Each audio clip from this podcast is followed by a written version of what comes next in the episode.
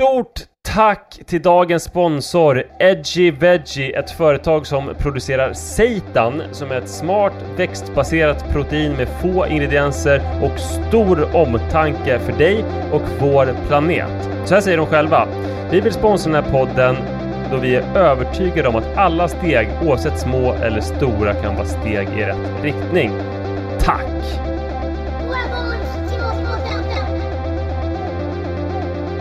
I dagens avsnitt tittar vi på klimatomställningen genom våra icke rödvinsfärgade glasögon tillsammans med Alkispoddens stjärna Johan M. Reunanen. Vi reflekterar över om resan till nykterheten och tillfrisknandet kan lära oss något om den vi behöver göra med klimatomställningen. Behövs ett tolvstegsprogram och ett systemomställningsbolag för klimatet? Vi gör den här podden som vanligt tillsammans med vår stjärnproducent Sofia Ersson och med klimatexperten och programledarstjärnan Frida Berry Eklund. Hej Frida! Hej, hej, hej!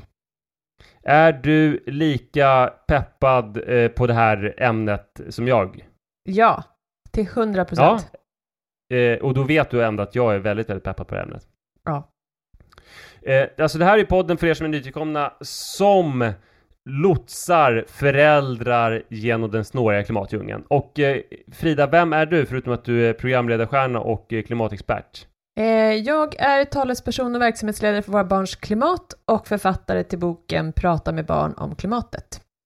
Vem är du? Just det, kort och koncist. Eh, mm. Jag är alltså Manne Forsberg som är eh, tvåbarnspappa och eh, frilansskribent och eh, föreläsare och har också en podd som heter Pappapodden. Så att jag har någon slags föräldraskapstema och ja, jämställdhetstema i mycket av det jag gör.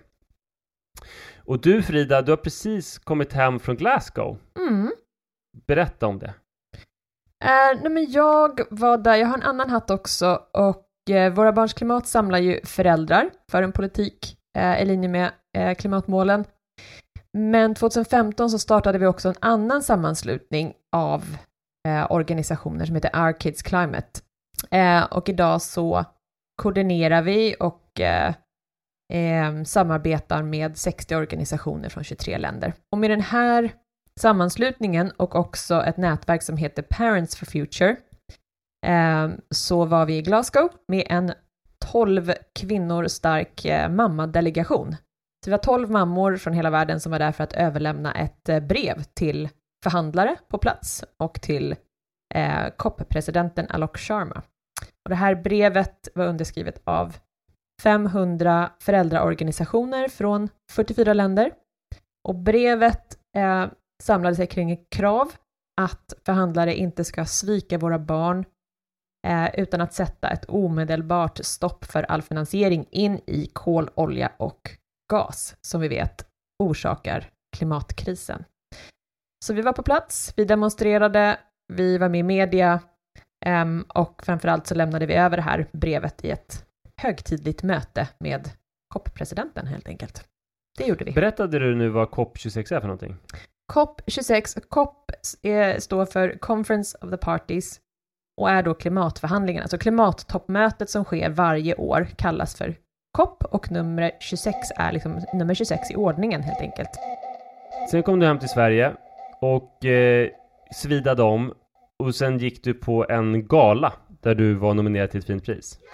Tidningen Mamma har varje år ett sånt här eh, eh Årets inspiratörsmamma där jag var nominerad i år tillsammans med fem andra grymma supermammor. Eh, vann ej, men fick vara del av en väldigt fin kväll tillsammans med andra eh, mamas. Eh, fin middag och eh, mycket pepp och hyllande och positiva vibbar. Ja, men du gladde dig också till det här eh, av sätt som inte enbart var liksom eh, egoistiska. Uh, hur tänkte du nu? Förlåt, jag pratar kryptiskt, jag försöker vara så här typ stringent, fast i själva verket så är jag bara fett kryptisk. Det jag menar är att, att du blir glad att, att, att det här visar att klimatfrågan är liksom i det glammiga finrummet. Ja, ja men precis. När vi startade Våra Barns Klimat 2012, som då hette Föräldravrålet, då eh, pratades inte om klimatet. Sjukt otrendigt eh, att bry sig om klimatet, ingen visste riktigt varför vi gjorde det det skrevs väldigt lite i liksom, medier om frågan och vi jobbade hårt med att få journalister att ens ställa frågor och att ställa de rätta frågorna, mm. eh, att rapportera om det. Och nu är vi i ett helt annat läge där verkligen att klimatet också har kommit in i den glamorösa tidningsvärlden. Så det känns ju, tycker jag, väldigt positivt och lite det vi vill åstadkomma med den här podden också, att faktiskt nå ut utanför den här gröna bubblan, de som redan har varit involverade i 7000 år i miljörörelsen, utan eh, hur, kan vi, hur kan vi nå och engagera de som är nyfikna, intresserade, som kanske är, börjar bli lite oroliga, börjar skrapa lite på den där ytan. Så det känns ju kul att frågan diskuteras i alla rum nu för tiden. Ja, och det är det vi ska prata om idag. Alltså hur åstadkommer man den här förändringen? Och hur upptäcker man i sig själv att man är eh, beredd att ställa om sitt liv? Nu ska vi höra Emma Sund, eh, Emma Sund som startade Klimatklubben, om hennes förändring från fossilberoende till nykter. Exakt, hon är en, en av grundarna i alla fall till Klimatklubben och också driver Plan B-podden tillsammans med Maria Soxbo. Ja, vi har ju fossilfestat loss så att säga eh, och jag lämnar sällan en fest, jag är gärna sist kvar. så även på fossilfesten där jag krälade runt riktigt länge. Ehm, men efter sommaren 2018 som var en ganska vass trailer för en klimatförändrad framtid med allt från skogsbränder, vattenbrist, extremvärme och skördar som slog fel så drabbades jag av big time klimatångest. Och där någonstans så tvingade jag mig själv att liksom, ja, men, titta upp ur det här strutshålet och se världen och allting som var fel och problematiskt. Det, ska, eh, det hör till att jag är en ganska optimistisk människa i grunden så det liksom var ganska svårt att ta på sig de där klimatglasögonen på något vis. Men det var som att nyktra till från en blöt fest och allt blev... Ja, men det blev som att ja, den där dagen efter ångesten blev så påtaglig som världens värsta baksmälla. Och någon form av walk of shame också såklart. Men ju mer jag sätter mig in nu och försöker påverka desto mer är det som att baksmällan lättar. Det blir liksom lättare att leva med sig själv på något vis.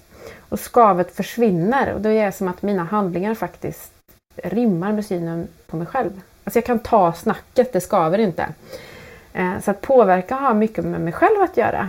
Eh, vad tusan säger jag till mina barn när de frågar vad jag gjorde när jag hade chansen? Och och hur ser jag på mig själv som person och vad jag gör? Det känns på något sätt fräscht. Det där var alltså Emma Sund om den här blöta eh, fossilfesten om att nå sin botten. Eh, jag eh, rör mig någonstans själv mot min botten och en del i det här är ju den här podden där jag eh, liksom rannsakar mig själv och mitt fossilberoende. Man vill alkohol så slutade jag dricka för 13 år sedan. Och då var det så att eh, det var väl lite som man kan känna kring klimatet att mitt alkoholberoende och också en del andra droger var liksom som ett orosmoln som förmörkade hela min framtid. Att, jag, att det kändes som att jag liksom var, jag var dömd till undergången och jag längtade efter att få barn och sådär men jag insåg att under nuvarande omständigheter kan jag inte ha barn för att det kommer gå fullkomligt åt helvete och jag kan inte, jag kan inte göra så mot mina barn. Så att även om jag hade liksom en, en solig dag och kände mig glad så kunde jag känna liksom som en tyngd av det här alkoholberoendet som jag förstod för det mesta var fullkomligt eh, ohållbart. Och sen var det ingen särskild eh, händelse egentligen utan det var den här enorma tyngden eh, av den här oron som gjorde att jag till slut eh, lyckades sluta. En annan som har eh, slutat dricka Eh, vi har pratat om det här förut. Det är eh, tillsammans det är, eh, i Alkispodden. Det är Johan M Reunanen som nu är med oss. Eh, du har Alkispodden eh, som har hållit på i flera år och haft fantastiska samtal kring eh, nykterhet och du jobbar också med hållbar utveckling. Välkommen! Tack så jättemycket! Är det någonting som du skulle vilja lägga till till den presentationen eller förbättra uttalet av ditt namn eller något sånt där? Ja, men, eh, namnet eh, kan ju alltid förbättras. Det här är jag, jag spelade hockey. Jag anade det. Ja, nej, precis. Nej, men Johan och M står för Mandaric. Eh, sen jag gifte mig. Johan Mandaric mm. eh, Reunanen. Så att om man tar två väldigt krångliga namn och säger och så sätter man ihop det till ett så får man mitt eh, namn. Så att det blir inte lättare.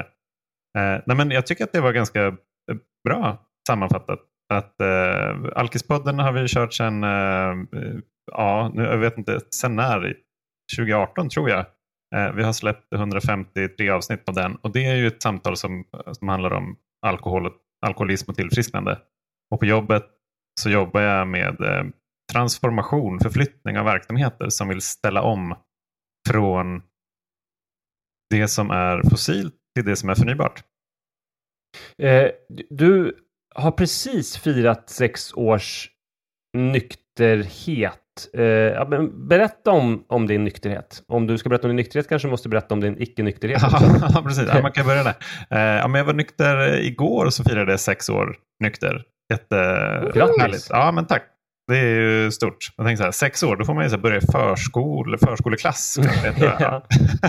Du kan typ nästan läsa. Jag kan nästan läsa nu. Ja. Mm. Nej, men, och hur det var då där 2015 och, och åren innan. Alltså såklart så, så var det alldeles för mycket festande. Eh, och jag, jag, mitt drickande funkade så att jag kunde dricka ganska ofta men jag såg till att alltid eh, klara allt det där andra i livet. Jobb och så. Det var liksom, jag drack aldrig på jobbet till exempel. Det finns några karaktäristiska drag som jag har liksom kommit på där i efterhand. Hur det var i liksom relationen till mig själv när jag var aktiv. Och För det första så kan man säga att det fanns ju ingen ärlig kommunikation liksom, med mig själv. Utan det var ständigt någon form av, så här, jag manipulerade ju hela tiden. Det jag egentligen kände och det jag egentligen ville. Eh, för att kunna fortsätta. Eh, jag var extremt gränslös. Och i, i den förståelsen att jag hade ju inte ens tagit reda på vad jag behövde för att må bra. Mm. Jag ville bara maxa allting hela tiden. Så till exempel att här, det är klart att gå ut på krogen och festa och gå på efterfest fem dagar i veckan och sen jobba 70 timmar i veckan. Det är klart att det är fullständigt gränslöst, men det var ganska normalt för mig. Jag fattade inte vad alla andra höll på med. Ni fattar inte vad livet går ut på. Eh, det var de första två. Den, den, den, tredje som jag identifierat är det fanns ju absolut ingen tillit överhuvudtaget. Varken till mig själv, till någon annan, till att saker och ting skulle ordna sig. Eh, utan det var liksom ett, ett ständigt och, och hela tiden ökande kontroll av både eh, skeenden, känslor, relationer, händelser och så vidare.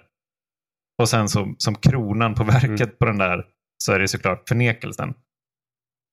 Att inte kunna ta in eh, signaler från omgivningen eller från mig själv för den delen. Där, Oj, vad konstigt, jag har jätteont i levern. Undrar vad det kan bero på. Eh, jag är jättetrött hela tiden och när jag inte är trött eller full så är jag irriterad. Undrar om det här kan ha att göra med att jag dricker fem gånger i veckan och sen eh, jobbar resten och försöker liksom upprätthålla någon, någon fasad om att allting är bra det är klart att här, för att kunna göra det så länge så måste man ha en, en oerhört välutvecklad förmåga att förneka alla signaler som pekar åt andra hållet. Nu är du nykter men du är också pappa. Eh, du har en treåring va? Ja. Eh, tvååring. Ja. Hur funkar de här mm. grejerna som du har beskrivit med, det kanske inte du har behövt ta reda på då, men hur tror du att, att det fungerar ihop med föräldraskap? Det var en av de huvudsakliga anledningarna kan man säga till att jag blev nykter. Eh, jag kommer ja, jag fick göra en, en reflektionsövning kring vad finns det för fördelar och nackdelar på kort och lång sikt med att festa som jag gjorde just då, där 2015. Eh, i, under då en, en, en terapivecka. Och, eh, man ska säga så här också, alla beteenden, allt, allt det som vi gör, ingenting av det är fullständigt destruktivt. Det finns alltid någonting mm. positivt med det, annars hade vi aldrig gjort det. Och det är ganska lätt att, liksom, att det att de här vågskålarna möter varandra på kort sikt. Så till exempel när jag festade sådär mycket. Eh, det positiva var att jag fick en paus från stress. Eh, jag fick träffa massa roliga människor. Det hände massa sinnessjuka saker. Jag hade bäst historier av alla på måndag på jobbet. Eh, och i den negativa vågskålen, ja men det är klart jag var trött, det gick lite för mycket pengar, sov bort liksom helgerna, bla bla bla. Men det var okej. Okay. Alltså det kunde jag, det business case går liksom ihop mm. för mig. Men jag hade aldrig tänkt på innan jag fick göra den här övningen, vad leder det här till på lång sikt? Och den enda positiva aspekten jag kunde komma på, det var så här, jag får ett brett nätverk mm. när jag går ut och festar fem dagar i veckan. Superbra. Eh, men men på, den, på den negativa vågskålen, där var det desto mer. Eh, och så här, fem saker. Det var, jag ser, ser om jag kommer ihåg alla, men i alla fall det var så här, att jag skulle förlora jobbet såklart. Jag förstod ju också att där, någonstans så kommer det här att braka åt skogen. Eh, jag kommer att eh, förlora min relation med Josefina. Jag kommer att eh, behöva flytta eh, bort någonstans där jag inte behöver så mycket pengar. Jag kommer att dö i förtid eh, för att min kropp kommer att paja till slut. Och eh, den femte då är att jag kommer aldrig att bli pappa. Och det var det som, det var, det var den poletten som behövde trilla ner för mig. Där, om jag fortsätter så här, så kommer jag aldrig att bli pappa. Och jag hade knappt vågat möta som, konceptet att bli pappa när jag var i det aktiva. Eh, jag hade någon slags liksom, terrorbalansförhållande till det där för jag tyckte att alla som skaffade barn var så här tråkiga och Svensson och fattade inte vad, att livet gick ut på att festa Och vidga sitt nätverk. Eh, ja, precis. Och vidga sitt nätverk. Exakt.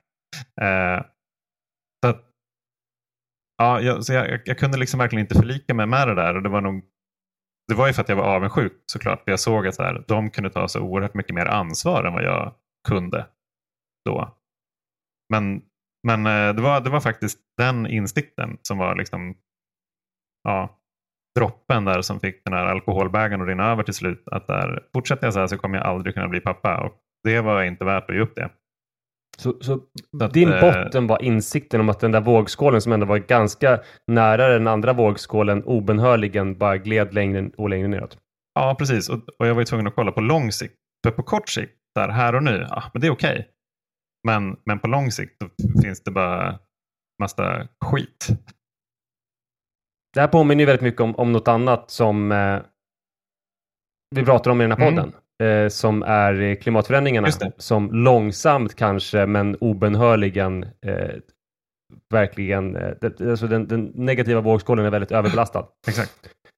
Hur, hur, tycker du att man kan liksom likna det här eh, greppet som alkoholen har i vårt samhälle med vårt fossilberoende eller hur når vi vår botten på det här området? Det är en jätte, jättebra fråga, men eh, jag, jag, tänker att vi som individer och vi som kollektiv har ju en jättevälutvecklad förmåga att förneka signaler utifrån.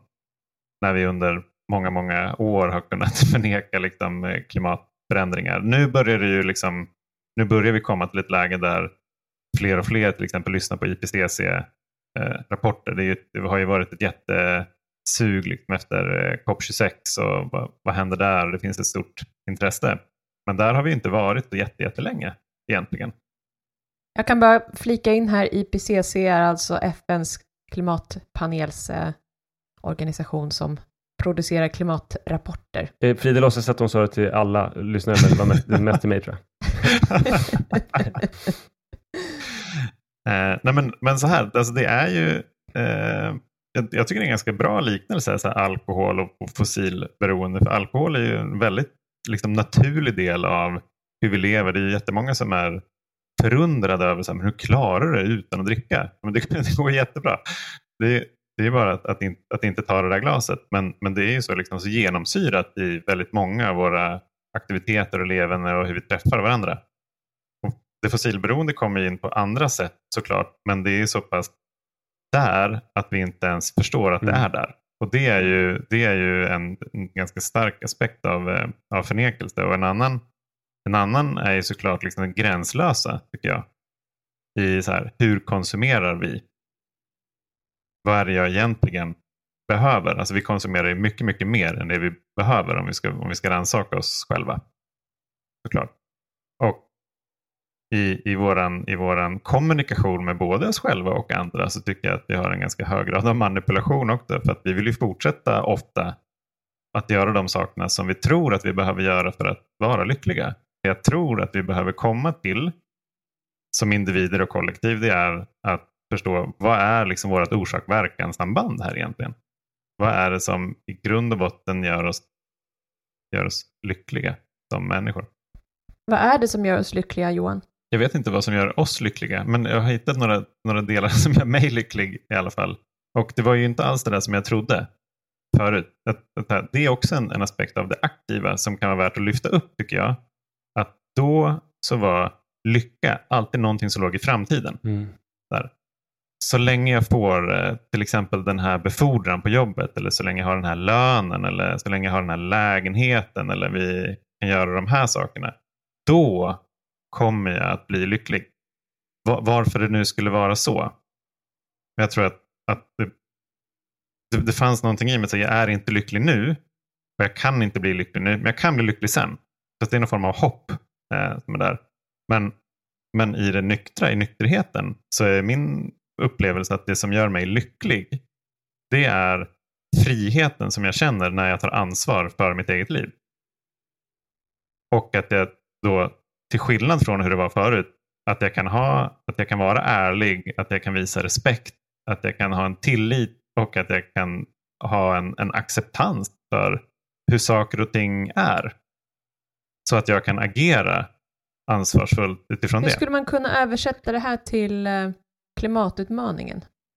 Jag tror att det är eh, dels en, en individuell förflyttning, en resa som vi behöver göra eh, som individer för att vi som, som, som samhälle ska kunna se nyktert, det vill säga acceptera den situation som vi är i så att vi kan agera efter det. Eh, det handlar också om att förstå vad är det för gränser vi inte får överträda. Nu lever vi väldigt mycket över det som, det som vi egentligen kan. Eh, så att, att, att förstå vart de gränserna är så att vi kan respektera dem. Eh, jag tror också att det finns ett stort mått av, av tillit som behöver till, som vi lite grann har ned, nedmonterat i vårt individualistiska samhälle.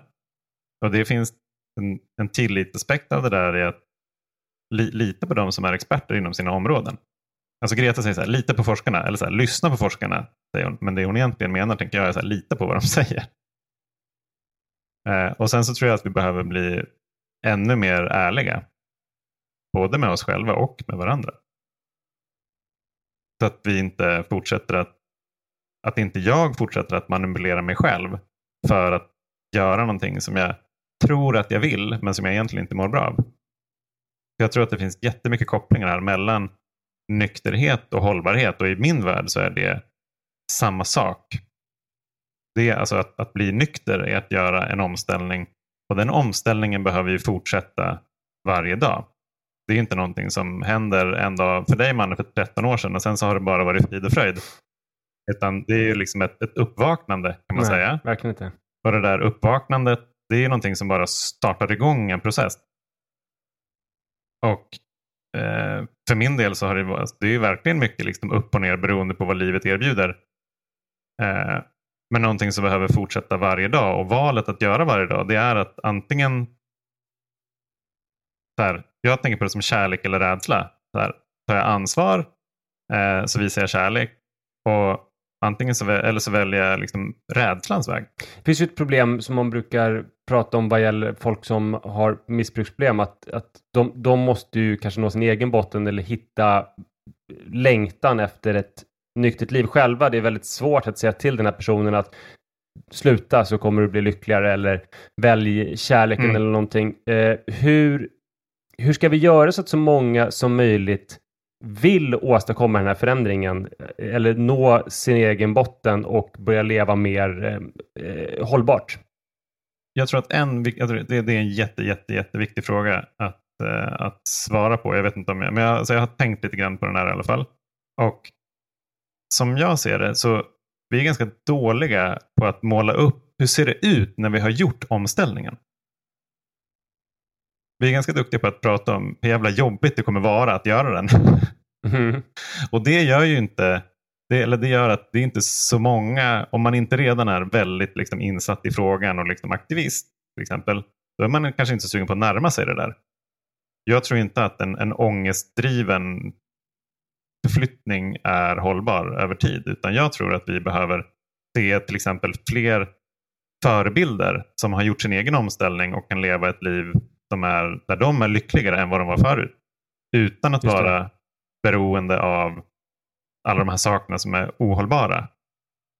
Alltså typ som gästerna i Alkispodden som eh, pratar om hur de eh, mår bättre. Fast eh, klimatmänniskor. Eh, som har ja, precis. Och, och, ja, precis. Och, och så här, vanliga människor. Ja. tänker jag. Och jag tror att det är mm. viktigt utifrån både ett individuellt perspektiv, ett där organisationsperspektiv, ett företagsperspektiv. Det finns ju jättemånga företag som, som ställer om. Och, och jag tror att precis som innan både du och jag blev nyktra så finns det en rädsla för hur kommer det vara när vi har ställt om, där, när, vi, mm. när vi har mm. gjort det där. Jag var ju rädd att nykterheten skulle vara en grå, tråkig, regnig tisdag i november hela livet. Men det var ändå, det var ändå valet jag gjorde. Sen så visade det sig att det var inte så. Det var ju mycket, mycket bättre. Alltså livet blev tio gånger bättre när jag blev nykter än när jag var aktiv. Mm. Och om vi kan få fler att förstå att, där, att göra omställningen, det är ingen uppoffring det är med fan en gåva. Du blir fri från de här sakerna som du tror att du behöver idag men som i grund och botten mm. bara kontrollerar dig.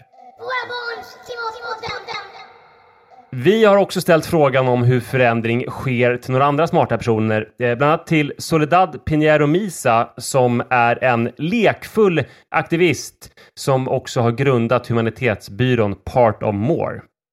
Hej, mitt namn är Soledad Pinheiro Misa. Jag tror att förändring sker på många olika sätt. Ibland genom att saker gör väldigt ont och genom att möta den smärtan så sker en, en transformation och en utveckling, en förändring. Jag tror också att förändring sker när vi är mer som barn, ganska eller oskyldiga och öppna och möter stunden eh, och utifrån det som är också möjliggör utveckling. Barn förändras och utvecklas ju ständigt. Jag tror också, som man kopplar till barn, att förändring sker väldigt mycket genom lek och samarbeten och att eh, ha kul. Också, inte bara genom, genom smärta. Men jag tror också att, eller kris, man säger ju att kris och utveckling är ihop.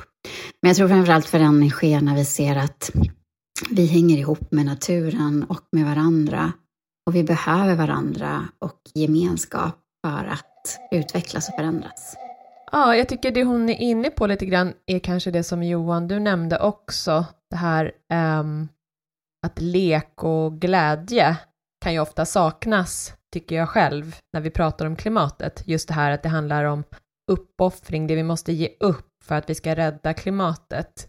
Och inte så mycket vad vi vinner på att göra den här omställningen. Jag tror att det där är ett jätteviktigt eh, kommunikationsuppdrag som vi har, att faktiskt kunna beskriva, jag vet, det finns jättemycket populärkultur som beskriver väldigt väl hur en, en, liksom en, en, naturkatastrof ser ut. Det blir en apokalyps och det är day after tomorrow och vi vet hur den där apokalypsen känns och eh, vi kan uppleva det via liksom, populärkultur. Um, men när det gäller om vi lyckas med omställningen och bygga det här um, omställda samhället så har vi inte så mycket referensramar. Det finns inte så mycket populärkultur som heller berättar för oss hur det skulle kunna vara och att det, vad man vinner på det. Ja, men jag, jag tror det. Um, vi, på jobbet jobbar vi en hel del med de globala målen. Och uh, Jakob Trollbäck som är en av arkitekterna bakom det där, han brukar säga väldigt klokt att de här, det finns ju 169 delmål här, under allt det där. Han säger så här, men det borde vi se som 169 affärsmöjligheter tänk wow, vilken, eh, vilken omställning vi ska göra. Gud vad spännande att få utforska de här 169 stycken eh, möjligheterna. Jag tror, att, jag tror väldigt mycket på det möjlighetsdrivna också. Eh, och samtidigt så behöver vi förstå och se nyktert på och acceptera att det här blir konsekvenserna om vi inte gör någonting. Men Johan, kan vi, kan vi ställa om samhället om vi inte på kollektiv nivå har insett att vi har ett problem, att vi lever mitt i fossilfesten? Jättebra fråga. Ja, men jag, jag, jag tror som sagt att vi behöver se nyktert på det. Att här, vi behöver acceptera vår nuvarande situation. Att eh, Så här är det nu. Eh, om vi fortsätter så, kom, så kommer det här att hända. Och det är precis det som de här IPCC rapporterna säger. Eh, det är bara det att vanligtvis är eh, den, den, typen av, av, kommunikation från FN den är inte, den är inte så här poppig och peppig utan den, den är ganska torr. Liksom. Så att om, om vi bara kan konstatera att det är dit vi är på väg så tänker jag att vad bra, då vet vi det. Låt oss vända oss åt ett annat håll och se vilka möjligheter vi har där borta istället. För att det där är en dead end. Alltså, när jag eh, blev nykter så var det, jag hade några kompisar som berättade först om sin nykterhet. Jag fattade inte då att det var, att de påverkade mig väldigt mycket. För jag mm. den första som berättade om det, jag tyckte skitsynd om honom. Det kändes som, när han fikan, när han berättade om sin nykterhet kändes som någon slags begravningskaffe typ. Eh, men sen så påverkar han mig ändå väldigt mycket. Så jag tror också väldigt mycket på det här med att, att det behövs folk som har gjort valet, att det behövs många sådana impulser tills man till slut börjar liksom, eh, leva annorlunda på individuell och på samhällelig nivå. Men om man tänker då på, på den individuella nivån, när man gör den här omställningen eller når sin botten eller vill göra den här förändringen. Vad, det här är en fråga till både Johan och Frida. Då. Vad ska den leda till? Vad, vad ska man göra av sin insikt om det ohållbara? Tycker ni? Jag tycker ju så här, det viktigaste tror jag är att man inte bara håller på och harvar i sitt liv. Um, och försöker ställa om och göra liksom bättre val. Och det är ju, det är ju som jag sagt det är svinsvårt att ta alla de rätta valen.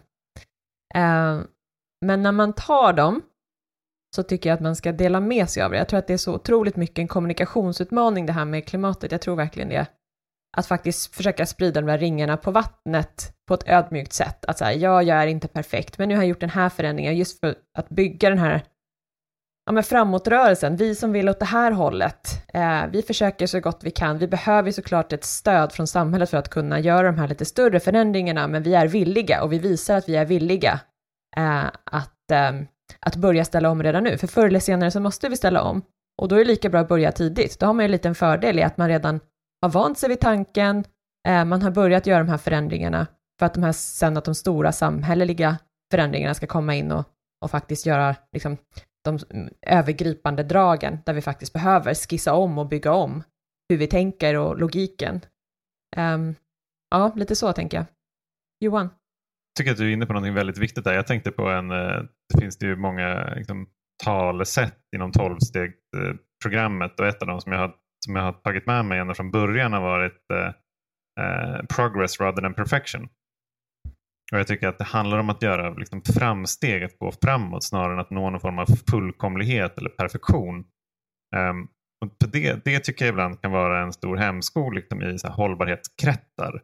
Att det kan, bli, det kan bli lite ängsligt för att det är lite för mycket perfektion ibland.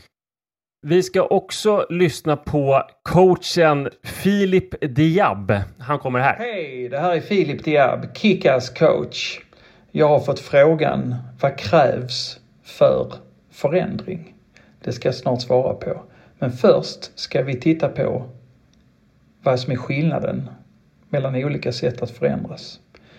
De flesta säger att de älskar förändring. Det gör de inte. De älskar omväxling. Om du byter bil det är omväxling. Om du byter från fossilbil till elbil skulle man kunna säga att du har förändrat någonting utanför dig själv. Du har inte gjort en förändring. Om du börjar cykla istället för att ta bilen, då har du gjort en förändring. Vad är det då som krävs för att göra en förändring? Ja, förändring är inte för de som behöver det. Det är för de som vill ha det. Det är så villighet och öppenhet. Lycka till med din förändring. Ha det fint. Hej då! Vad härligt och eh, liksom eh, slagkraftigt och koncist han uttryckte det. Eh, vad, alltså det här, vad jag måste säga Johan, det var otroligt intressant att prata med dig. Eh, och ehm, jag undrar då, vad, vad, hur ska man omsätta sitt engagemang nu i praktik? Eh, alltså, hur, hur gjorde du när du insåg att du behövde ställa om? Men för, för mig så var det där en, en en ganska gradvis process tyvärr. Eh, jag önskar att jag hade haft liksom ett lika bryskt uppvaknande som, när jag, hade, som jag fick när jag blev, när jag blev mm. nykter. Men jag tycker att Filip är inne på någonting som är så här, det är just villigheten. Och kom ihåg att det inte behöver bli perfekt. Det ska ta med fan inte bli perfekt, för det här är lurigt. Det är komplext. Liksom, det finns ingen som har de rätta svaren, utan det här är verkligen ett, ett samspel. Tycker jag. Så vi tillåter oss varandra att tillåter oss själva att utforska det. Frida, vad tar du med dig av dagens samtal? Um, nej, men jag tar med mig att det finns så många likheter just mellan alkoholkulturens grepp om samhället och fossilgreppet. Och framför allt tänker jag det här med det du var inne på Johan, med kognitiv dissonans.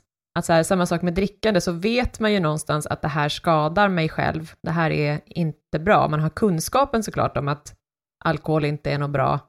Um, men belöningarna, de kortsiktiga belöningarna är så pass stora. Um, och det är ju väldigt, på ett sätt, likt fossilgreppet. Alltså på kort sikt så, är, så spelar det här ingen roll om jag gör Nej. det här eller gör ditten eller datten. Eh, men vad innebär det på lång sikt? Och inte bara det, utan så här, vilka signaler skickar jag till mina barn? Det tror jag är en ganska viktig faktor som inte bara handlar om mig själv, vilket jag tänker mycket på.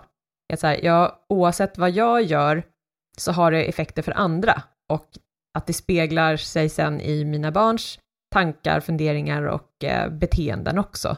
Alltså jag måste ju börja visa dem att vuxna faktiskt eh, försöker, att de är villiga, precis som du säger, att visa nyfikenhet, villighet, eh, signalerar eh, ett annat typ av tänk, tänker jag rent samhällsmässigt.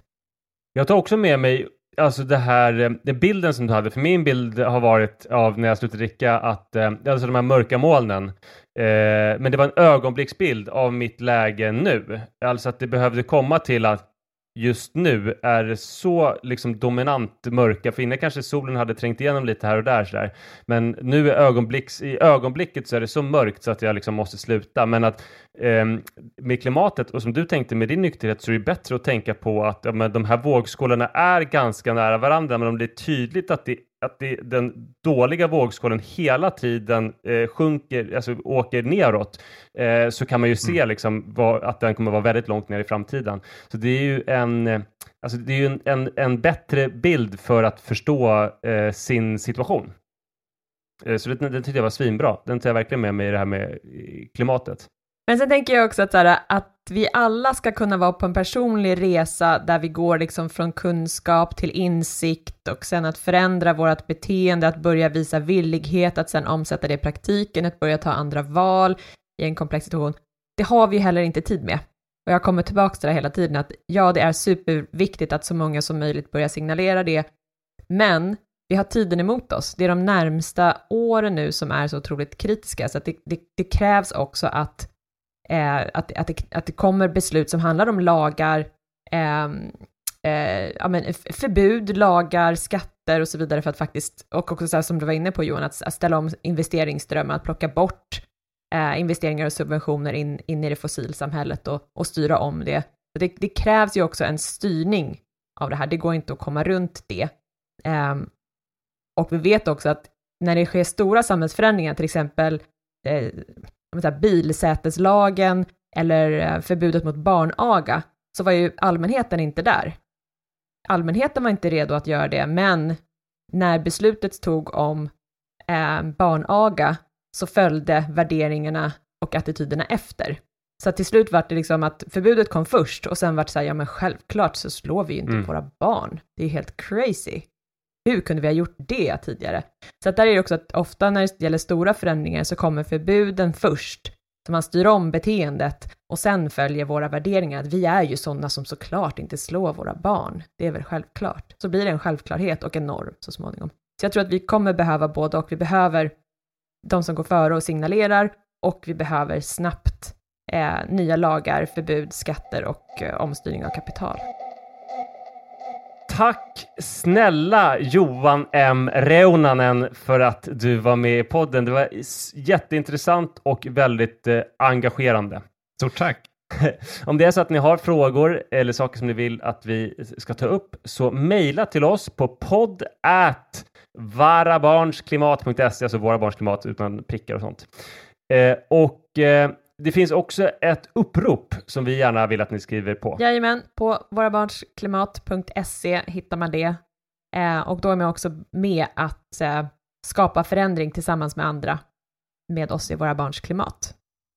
Använd din röst. Verkligen, och vi ska också nämna att producent för den här podden är som i varenda avsnitt Sofia Ersson eh, som, alltså, det är så himla konstigt. Vi är så beroende av Sofia Ersson så att om det inte står i körschemat att vi ska prata om att vi har en producent som liksom drar ett minst lika tungt lass som vi gör och förmodligen betydligt större. Om inte det står tydligt någonstans, då glömmer vi ens ta upp det. Det är därför Sofia inte nämns för nu. Men hon är alltså producent eh, för eh, Våra Barns Klimatpodd. Hon har varit det hela tiden från start. Tack eh, Sofia för allt. Och tack för att ni lyssnade. Hej då!